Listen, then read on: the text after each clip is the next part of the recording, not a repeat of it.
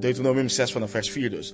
Luister Israël, de Heere onze God, de Heere is één. Daarom zult u de Heere, uw God, liefhebben met heel uw hart, met heel uw ziel en met heel uw kracht. En de Lano zei het vorige week, en ik, ik, de tekst gebiedt me ook om het weer te herhalen. Dit wat Mozes hier zegt, het is geen suggestie. Het is geen aanbeveling, het is een gebod. Mozes gebiedt de Israëlieten om de Heere, hun God, lief te hebben met heel hun hart, met heel hun ziel en met heel hun, heel hun kracht. Maar wat betekent dat en hoe doen we dat? Want het is heel makkelijk om te zeggen, ja, je moet God lief hebben. Maar wat betekent dat? Hoe ziet dat eruit? Hoe komt dat tot uiting? En, maar voor we daarna gaan kijken, wil ik benadrukken wat een essentiële voorwaarde is om God lief te hebben. En het lijkt misschien op een uh, op, op, dat het overbodig is omdat wij allemaal beleiden de Heer te kennen. Maar het is wel heel, heel goed om hierbij stil te staan. Delano heeft vorige week kort stilgestaan bij de Hebreeuwse betekenis van Deuteronomium 6, vers 4. En het prachtige van dit vers is dat, los van het feit dat het laat zien waar Delano vorige week bij heeft stilgestaan, over de natuur van God, Vader, Zoon en Heilige Geest, betekent dit, uh, betekent dit vers ook simpelweg dat er maar één God is. Er is niemand anders. De Heere, de, uh, de Heere onze God is één. Dat betekent ook, er is maar één God. Er is niemand anders. Er is geen God naast hem. Er is geen God voor hem. Er is geen God na hem. Hij alleen is God. De God van Israël. De God van Abraham, Isaac en Jacob. Hij alleen is Heere.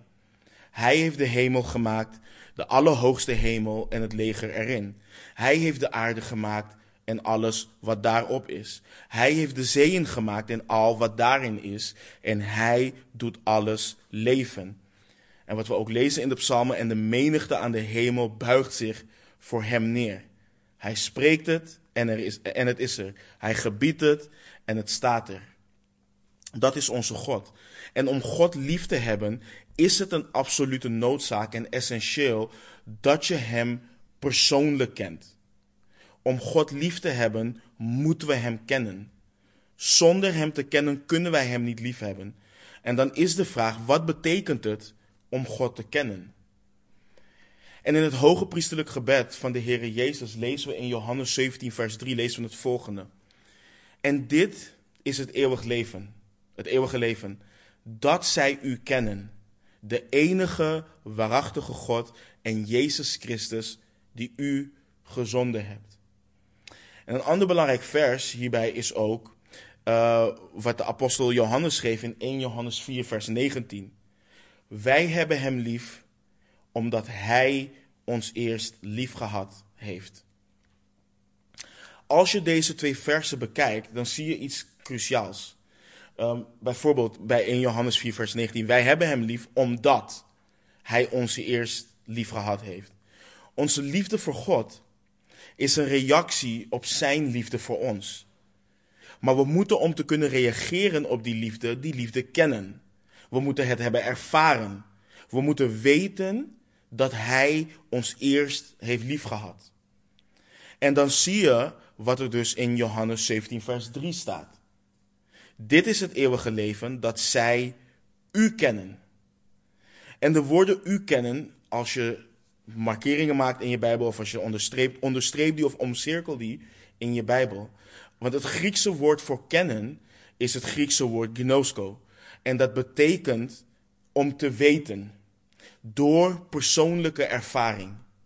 Het is een intieme en persoonlijke manier van kennen. Dus men spreekt ook van kennis waarnemen, van begrijpen, zeker weten, volledig kennis maken met. Dat is wat dit betekent. En dit is niet iets wat alleen voor ongelovigen, um, um, wat op ongelovigen slaat, die de Heren moeten leren kennen. Dit geldt voor beleidende volgelingen die moeten groeien in hun kennis van de Heren in het persoonlijk kennen van Hem. Vergeet niet dat wanneer de Heer Jezus dit bidt, dat Hij bidt voor Zijn volgelingen. En, en we dienen een eeuwige en oneindige grote God. Er komt dus nooit een moment, die, dat moment zal nooit komen, waarin je kunt zeggen: Ik ken God door en door. En Petrus schrijft juist in 2 Petrus 3, vers 18: Maar groei in de genade en kennis van onze Heer en Zaligmaker Jezus Christus. Hem zij de heerlijkheid, zowel nu als in de dag van de eeuwigheid. Amen. En het woord kennis wat Petrus hier gebruikt, is ook weer afgeleid van het woord gnosko. Dus je ziet hier dat we moeten blijven groeien in kennis van God, in het kennen van God. Maar de vraag is dan, hoe doe je dat? Hoe groei je in de kennis van onze Heere God? Hoe kun je God beter leren kennen? En je voelt hem al aankomen, want als je hier lang genoeg ken, eh, komt, dan weet je al dat het een open deur is. Um, en dat is door zijn woord. Ik kan het niet simpeler maken dan het is. Ik, ik kan ook niets, niets anders daarvoor bedenken. Door zijn woord, door het zorgvuldig bestuderen van en het beluisteren naar Gods pure en zuivere woord. Dat is hoe je de Heere God leert kennen. Ja, de schepping getuigt van God. En het getuigt van zijn eer en verkondigt het werk van zijn handen. Maar de schepping geeft ons, een, een, een, geeft ons geen diepere en intieme kennis van wie God is in zijn wezen. Het geeft ons heel beperkt inzage in zijn karakter. Maar zijn woord, in zijn woord kunnen we onuitputtelijk graven naar de goedheid van onze God. We kunnen onuitputtelijk graven naar wie hij is, hoe hij is en wat hij wilt. Wat zijn wil is.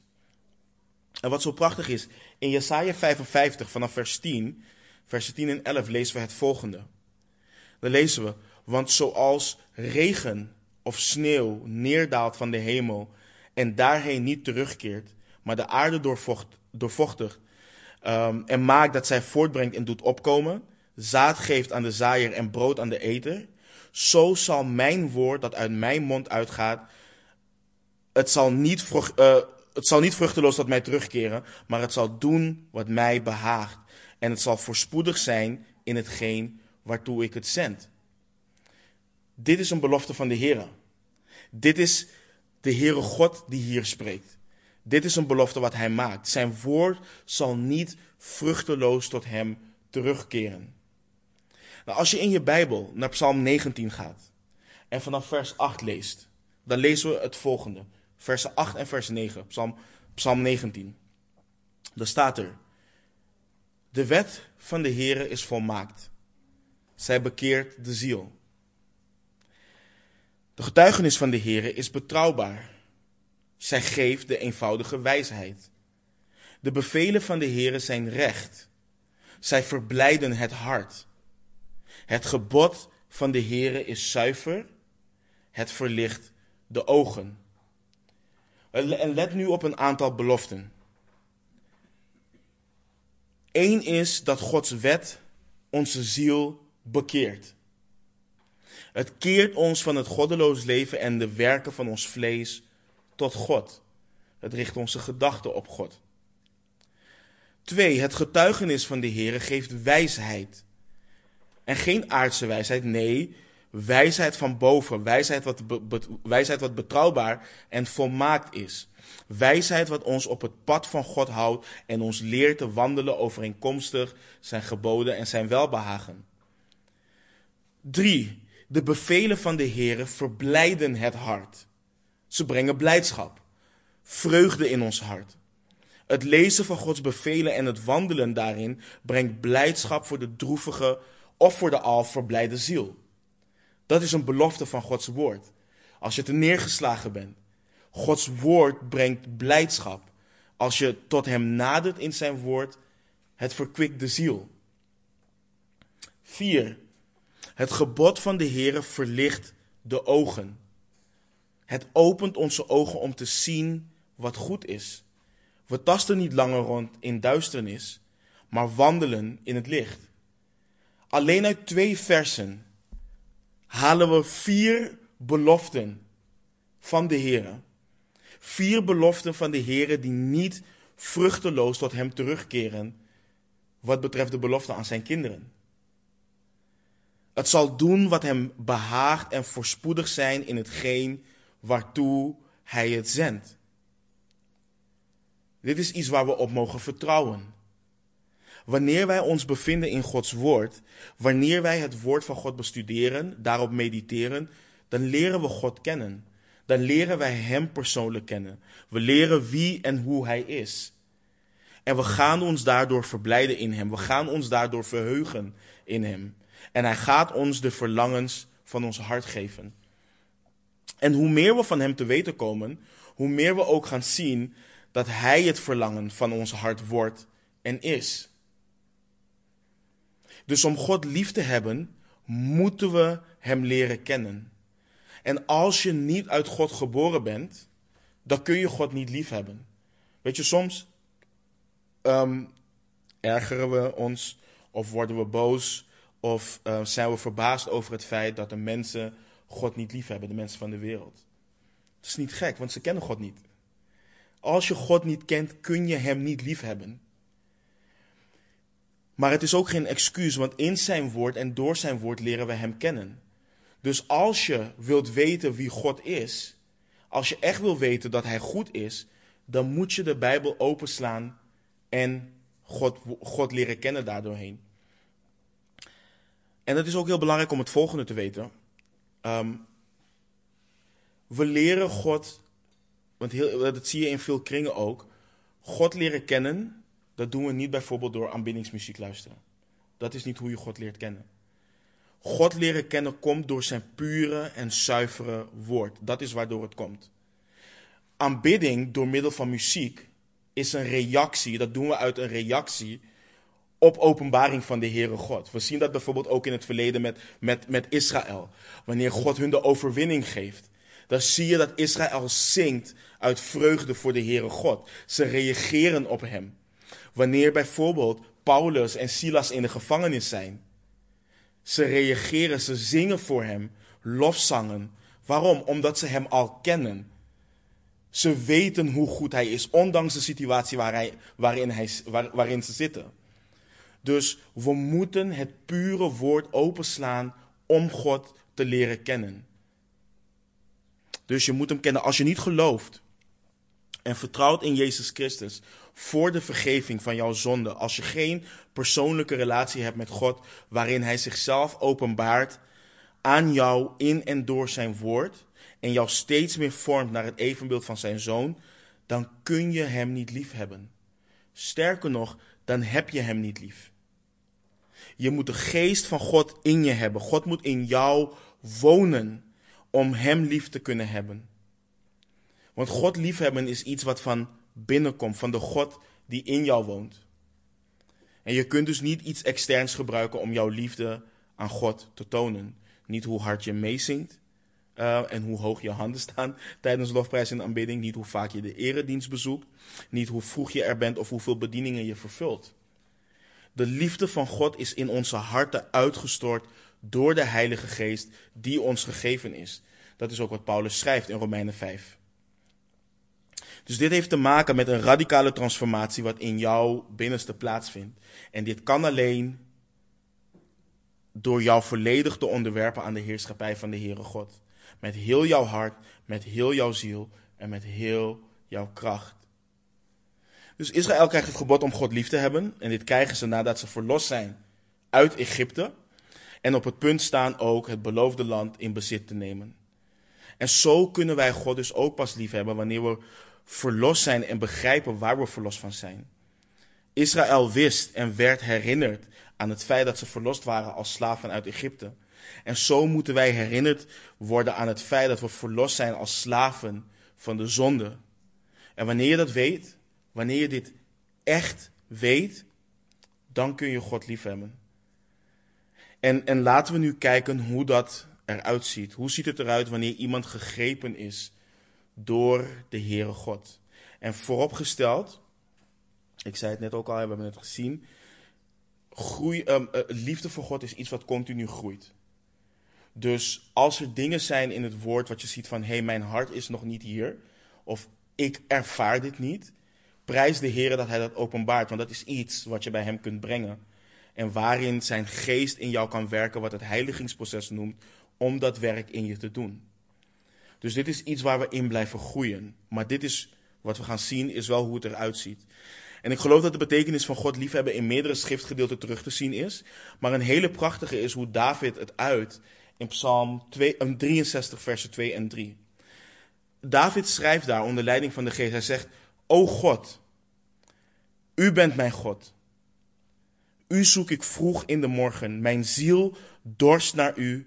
Mijn lichaam verlangt naar u in een land dor en dorstig zonder water. Zo heb ik u in het, in het heiligdom aanschouwd. Uw macht, uw, en, uw macht en uw heerlijkheid gezien. En God liefhebben houdt in dat je, als je kijkt ook naar deze versen, houdt in dat je volledig verzadigd en tevreden in Hem bent. Dit is de essentie. Volledig verzadigd zijn in wie Hij is, in Zijn wezen, in Zijn karakter. Tevreden en verzadigd zijn in hoe glorieus God is en dat Hij genoeg is. Als je kijkt, David, zijn ziel dorst naar God. Zijn lichaam verlangt naar Hem. En hoe en waarom? Want zo heeft hij God aanschouwd. Zo heeft hij zijn macht en heerlijkheid gezien. En let goed op, dit draait om wie God is. Niet wie God is voor David, maar om wie hij is in zijn natuur, in zijn wezen. Hem zien en erkennen voor wie hij is. Alles van David verlangt naar God. Het drijft hem om God vroeg in de morgen te zoeken.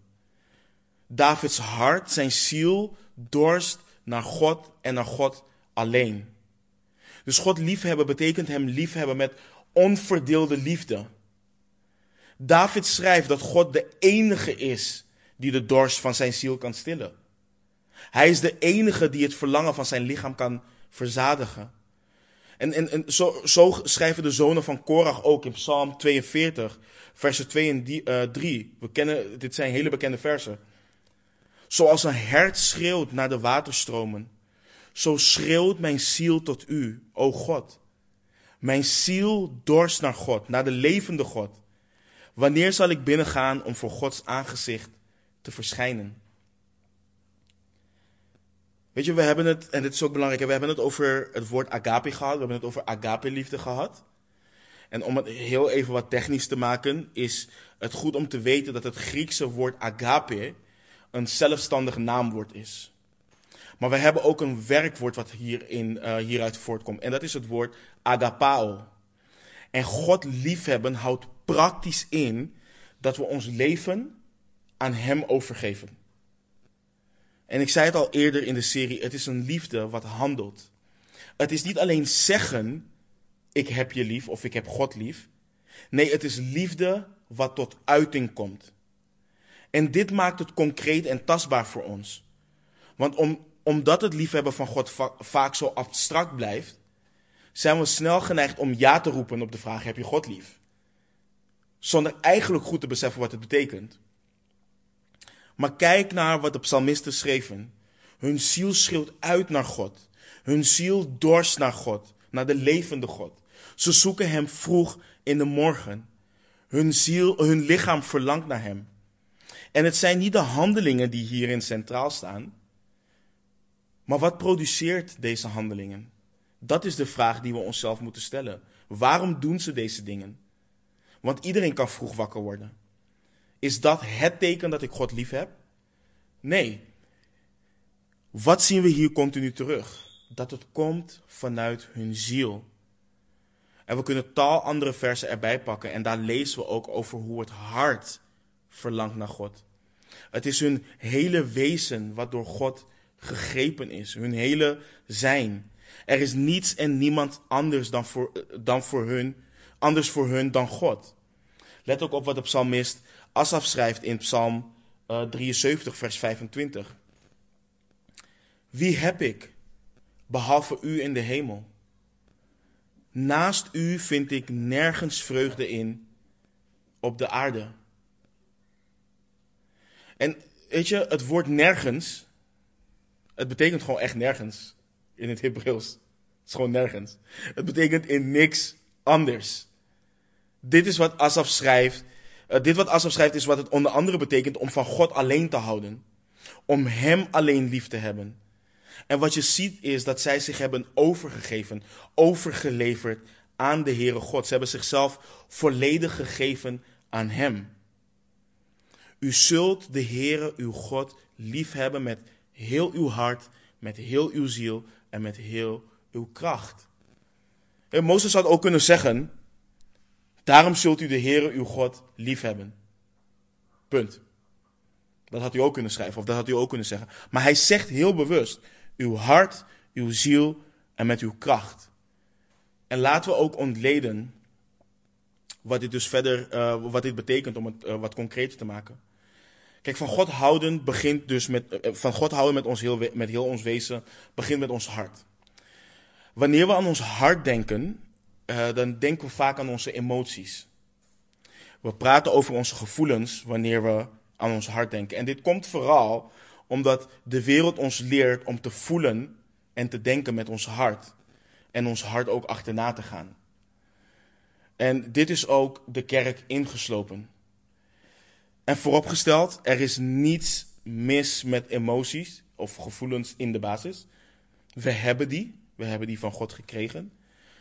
Het wordt en is een probleem wanneer we ons laten leiden als beleidende volgelingen van Jezus door onze emoties die gedomineerd worden door het vlees en niet door de geest van God. Dan wordt het een probleem.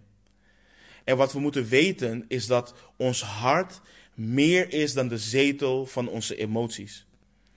Onze emoties zijn weliswaar onderdeel van ons hart, maar ons hart volgens de Bijbel omvat ook onze gedachten, onze wil en ons geweten.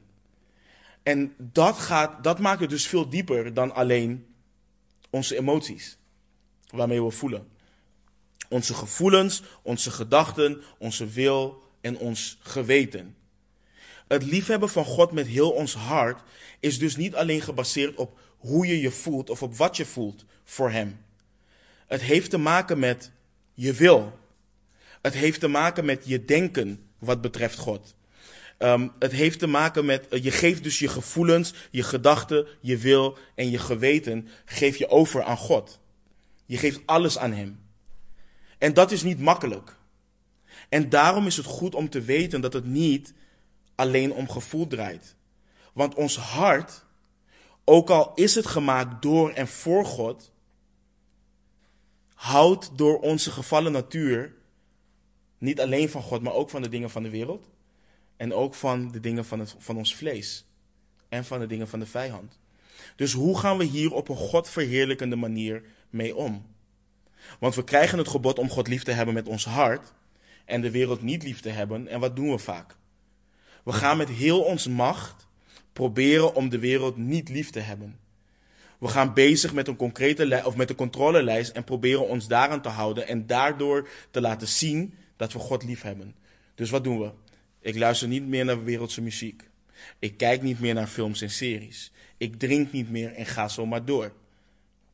Maar ons alleen daarop richten, werkt niet. En begrijp me niet verkeerd, ik zeg niet dat het oké is voor een volgeling van de Heer Jezus om deze dingen te doen. Maar nogmaals, ons simpelweg daarop richten is niet hoe we de Heer lief hebben en de wereld niet. Paulus geeft inzage in iets um, heel belangrijk wat betreft het menselijk hart in 2 Korinthe 3, 15 en 16. Hij, zegt, hij schrijft daar, ja tot op heden ligt er, wanneer Mozes gelezen wordt, een bedekking op hun hart. Maar wanneer het zich tot de Here bekeert, wordt de bedekking weggenomen. In de context van alles, van dit gedeelte, heeft Paulus het hier over de staat van de Israëlieten, dus dat vooropgesteld. Um, wat betreft de interpretatie. Maar de bredere toepassing is heel belangrijk. Weet je, kijk, we kunnen ons beijveren om te stoppen met alle werken van ons vlees. En de Bijbel te lezen en al dat soort dingen. Maar als ons hart zich niet bekeert tot God, dan zal er een bedekking blijven op ons hart. En dat zie je dus ook bij de Israëlieten. Ze deden alles wat ze eigenlijk zouden moeten doen en meer. Maar hierin schrijft Paulus ook, wanneer Mozes gelezen wordt, is er een bedekking op hun hart. Maar wanneer het zich tot de Here bekeert, wordt de bedekking weggenomen. Dus God liefhebben met ons hart betekent dat we ons hart keren tot Hem. Dat we ons hart geven aan Hem. Eh, we geven ons hart aan Hem in gebed. Dus we geven onze gevoelens, onze gedachten, onze geweten, ons geweten um, en onze wil geven we aan God in gebed. Het is net als bijvoorbeeld de apostel Paulus schreef aan de Filippenzen in Filippenzen 4 vanaf vers 6. Wees in geen ding bezorgd, maar laat uw verlangens in alles door bidden en smeken met dankzegging bekend worden bij God. En de vrede van God, die alle begrip te boven gaat, zal uw harten en uw gedachten bewaken in Christus Jezus. Dus wanneer je God lief hebt met je hart, zal dat ook zichtbaar zijn en zal dit zich uiten in je gebedsleven. Het zal leiden, of het hoort te leiden, tot het bidden. Hij leidt jou in gebed, maar je rent ook tot Hem in gebed. Je brengt alles bij Hem omdat je weet en erkent dat Hij jouw rots is. Je erkent dat Hij jouw leven en de situaties in jouw, eh, in jouw, eh, in jouw leven in handen heeft.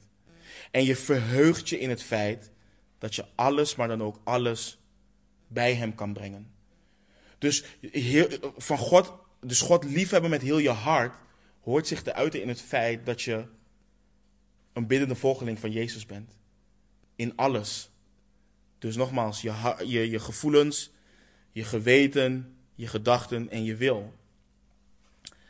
Maar we geven deze dingen ook aan Hem door Zijn woord en in Zijn woord. We onderschikken ons. Dus wanneer je God lief hebt met heel je hart, um, worden je gevoelens, gedachten, wil en geweten niet meer geregeerd door de wereld, door de Satan en het vlees, maar het wordt geregeerd door Gods woord. Je toetst situaties bijvoorbeeld niet meer aan de hand van je gevoelens of je gedachten en je wil en je eigen geweten, maar je toetst die juist aan de hand van het woord van God. En je benadert het woord van God ook niet met deze dingen. Je benadert het woord van God zodat deze dingen veranderd kunnen worden door het woord van God. Hebreeën 4:12 leert ons, we kennen dit, dit vers ook, heel bekend vers. Want het woord van God is levend en krachtig en scherper dan enig tweesnijdend zwaard. En wat doet het? En het dringt door tot op de scheiding van ziel en geest, van gewrichten en merg, en het oordeelt de overleggingen van en gedachten van het hart. Dus God liefhebben met je hart is zijn woord laten regeren in jouw hart. Je verheugt je in zijn woord. Je verheugt je omdat je de levende God daar leert kennen en, en weet dat hij vreugde vindt in het feit dat je hem leert kennen. Het, het is dat je, je, je kan, als je, als, je van God, als je God lief hebt met heel je hart en je dit betrekt op het woord, dan kun je geen genoegen nemen met een vers van de dag. Of met een devotional boek alleen. Nee, je, je gaat naar het woord omdat je weet dat God, dat God zijn woord gebruikt om jou te heiligen. En de Heilige Geest dat woord toepast in je leven om jou meer en meer op Jezus Christus te doen lijken. Je hebt hele goede boeken met overdenkingen, met devotional. En ik zeg niet, doe die weg. Maar dat alleen voedt jou niet. Wat jou voedt is het woord van God, waardoor hij wilt spreken tot jou als zijn kind. En het feit dat hij je, weer, dat hij je meer en meer op Jezus Christus doet, uh, doet lijken door zijn woord, daartoe heeft hij jou uh, van tevoren toe bestemd. Want het woord is door God ingegeven en is nuttig om daarmee te onderwijzen, te weerleggen, te verbeteren en op te voeden in de rechtvaardigheid, opdat de mens die God toebehoort volmaakt zal zijn tot elk goed werk, volkomen toegerust. Dus hiermee halen we niet alleen de bedekking van ons hart, maar houden we het er ook van af. God liefhebben met heel je hart is dus je gevoelens, je gedachten, je geweten en je wil aan Hem overgeven, aan Hem onderwerpen. We worden ook opgedragen om God lief te hebben met onze ziel. Nou, er bestaat veel verwarring over wat onze ziel is en of dat verschilt van onze geest. Ik zie vanuit de schrift dat ze niet hetzelfde zijn. Maar deze studie gaat niet over het verschil van onze ziel en de geest. Uh, maar in de eerste vijf boeken van het Oude, Oude Testament verwijst de ziel naar iemands hele wezen als een levend persoon. Dus ook inclusief het hart van de persoon. Maar het gaat iets verder dan alleen het hart. Als je, als je in je hoofd teruggaat ook naar Genesis 2, wanneer God de levensadem blies in de mens, dan lezen wij in onze Bijbels dat de mens zo een levend wezen werd.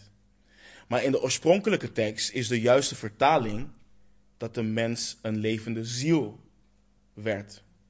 Zoals je het woord ziel dus plat slaat, betekent het in de basis leven. Ons leven. Psalmist schrijft ook in Psalm 42, vers 12. Heeft hij het over zijn, over zijn ziel, over zijn leven. Wat buigt u zich neer, mijn ziel, en wat bent u onrustig in mij? Hoop op God, want ik zal hem weer loven. Hij is de volkomen verlossing van mijn aangezicht en mijn God.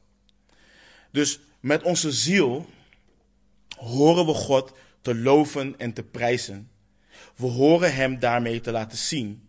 Maar door de, maar door de, val, door de val hebben we onze eigen meningen, onze eigen gedachten en maken we onze keuzes los van en tegen de Heere God in.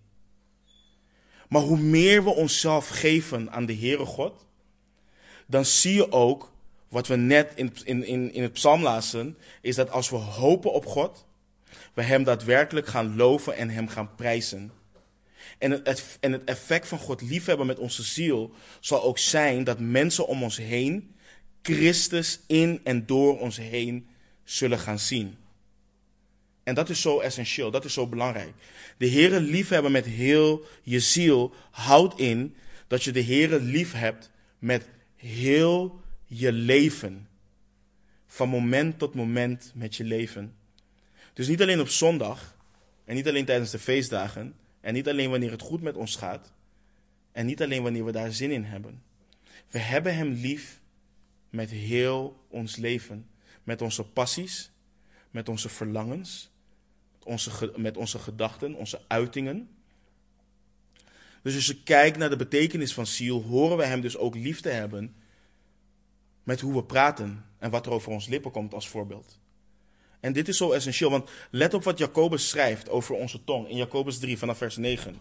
Hij schrijft, hij zegt, door haar, dus de tong, loven wij God en de Vader. En door haar vervloeken wij de mensen die naar de gelijkenis van God gemaakt zijn. Uit dezelfde mond komen zegen en vervloeking voort. Dit behoort niet zo te zijn, mijn broeders.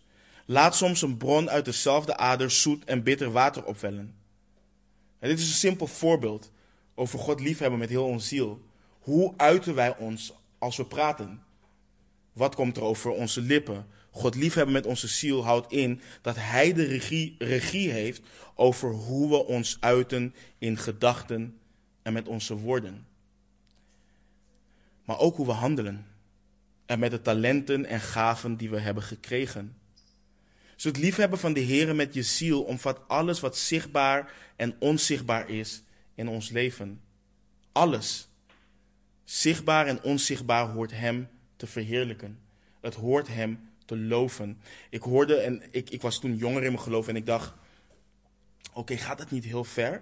Maar ik, ik, ik luisterde een, een, een studie en, en, en die voorganger zei, wanneer heb je voor de laatste keer in je leven een glas water gedronken voor de eer en glorie van God. En ik dacht, ja, een glas water drinken voor de eer en glorie van God.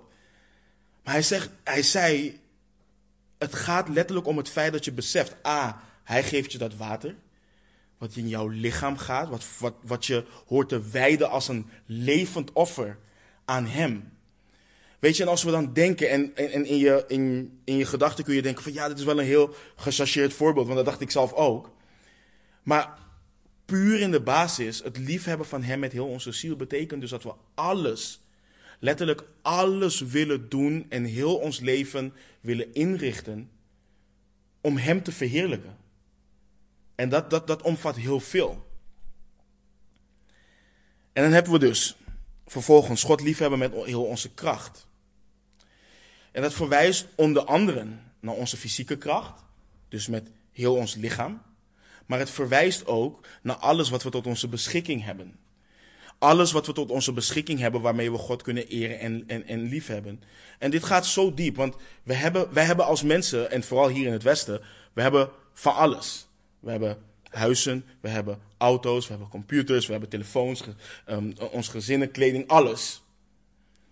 En God liefhebben met heel ons kracht houdt in dat al, al die dingen ter beschikking stellen voor de verheerlijking van onze God.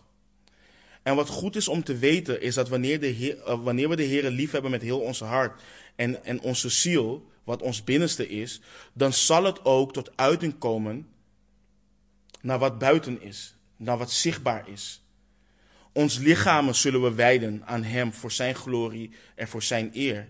Hoe we ons tijd besteden, zullen we wijden aan Hem voor Zijn eer en voor Zijn glorie.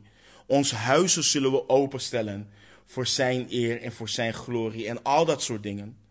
Hoe we onze energie en onze middelen dus gebruiken. En lieve broeders en zusters, we zien hier dus nogmaals. Dit heeft met heel ons wezen te maken. We zien hier dus dat we niet met afvinklijsten kunnen werken. Dit vergt alles van ons. God liefhebben met heel je hart, met heel je ziel en met heel je kracht betekent dat er geen ruimte is om iets anders lief te hebben. Het houdt in dat je hart, je ziel, dat je je hart, je ziel en je kracht overgeeft aan de Heere God. Je stelt zijn verlangens boven die van jezelf. Het betekent dat jouw ziel, wat we ook hadden gelezen en wat we ook bijvoorbeeld in Psalm 119 lezen, dat jouw ziel wordt verteerd door wat Hij wilt voor jouw leven en niet wat je zelf uit het leven wilt halen. God liefhebben met heel je hart, met heel je ziel en met heel je kracht houdt in dat je Gods wil plaatst boven je eigen geluk en je eigen blijdschap.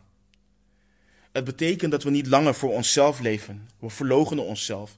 De Heer Jezus Christus zei ook: Wie achter mij wil aankomen, moet zichzelf verloochenen, zijn kruis opnemen en achter mij aankomen. Dat is wat hij zei. En we doen die dingen niet um, om de goedkeuring van anderen te krijgen of de goedkeuring van God, maar simpelweg omdat we Hem willen behagen.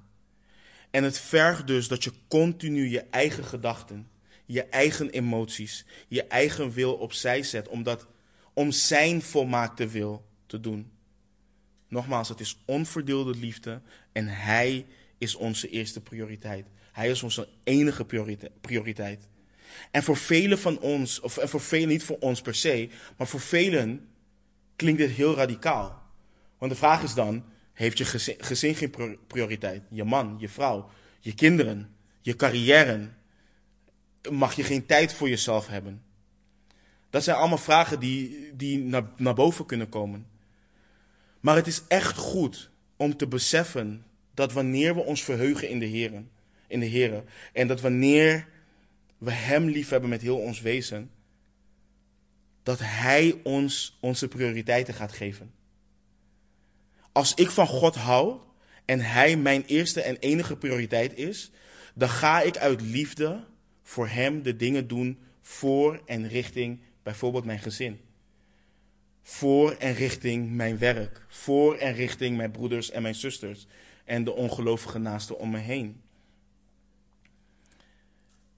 We worden geroepen tot een verbond met de Here, wat een volledige en exclusieve toewijding aan God betekent.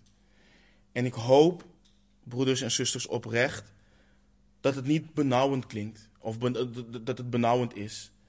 Weet je, de wereld ziet dit als benauwend, als volkomen gestoord zelfs. Sommige beleidende volgelingen zien dit als te radicaal. Maar Gods woord ziet dit als niets meer dan je redelijke godsdienst. Paulus schreef ook in Romeinen 12. Oh, ik heb hem nog niet. Heb ik hem? Ja, Romeinen 12, vers 1. Ik roep u er dan toe op, broeders, door de ontfermingen van God, om uw lichamen aan God te wijden als een levend offer, heilig en voor God welbehagelijk. En, en let op, dat is uw redelijke godsdienst. Dat is niet meer dan logisch, is wat Paulus schrijft. Er is maar één manier van Jezus Christus volgen. En dat is door jezelf te verloochenen, je kruis op te nemen en te sterven met Hem. Dat is letterlijk de enige, enige manier. Er zijn geen andere smaken. En dit waartoe we worden opgedragen, en dat is ook zo belangrijk om te weten. Dit is geen zware last. Ons leven wijden aan de levende God die ons heeft gemaakt. Het is geen zware last. Het is Gods goede, welbehagelijke en volmaakte wil. Het is hetgene waarvoor je gemaakt bent. Je bent gemaakt om God lief te hebben met heel je hart, met heel je ziel en met heel je kracht. Dat is waarvoor je gemaakt bent. En hoe genadig is het van de Heere God om in het vlees te komen en om te sterven voor ons. Om zichzelf voor ons volledig te geven, opdat we gered kunnen worden, opdat we schoongewassen kunnen worden en leven in de relatie met Hem waarvoor we gecreëerd zijn. We kunnen Hem aanbidden in geest en waarheid. We kunnen Hem liefhebben. En daar is Hij voor te prijzen. En ik wil, het, en ik wil afsluiten met het volgende. En dit thema gaat tijdens, wanneer we door Deuteronomium vers voor vers uh, gaan, uh, gaat dit thema uh, veel terugkomen. Maar voor vandaag moeten we ook hierbij stilstaan.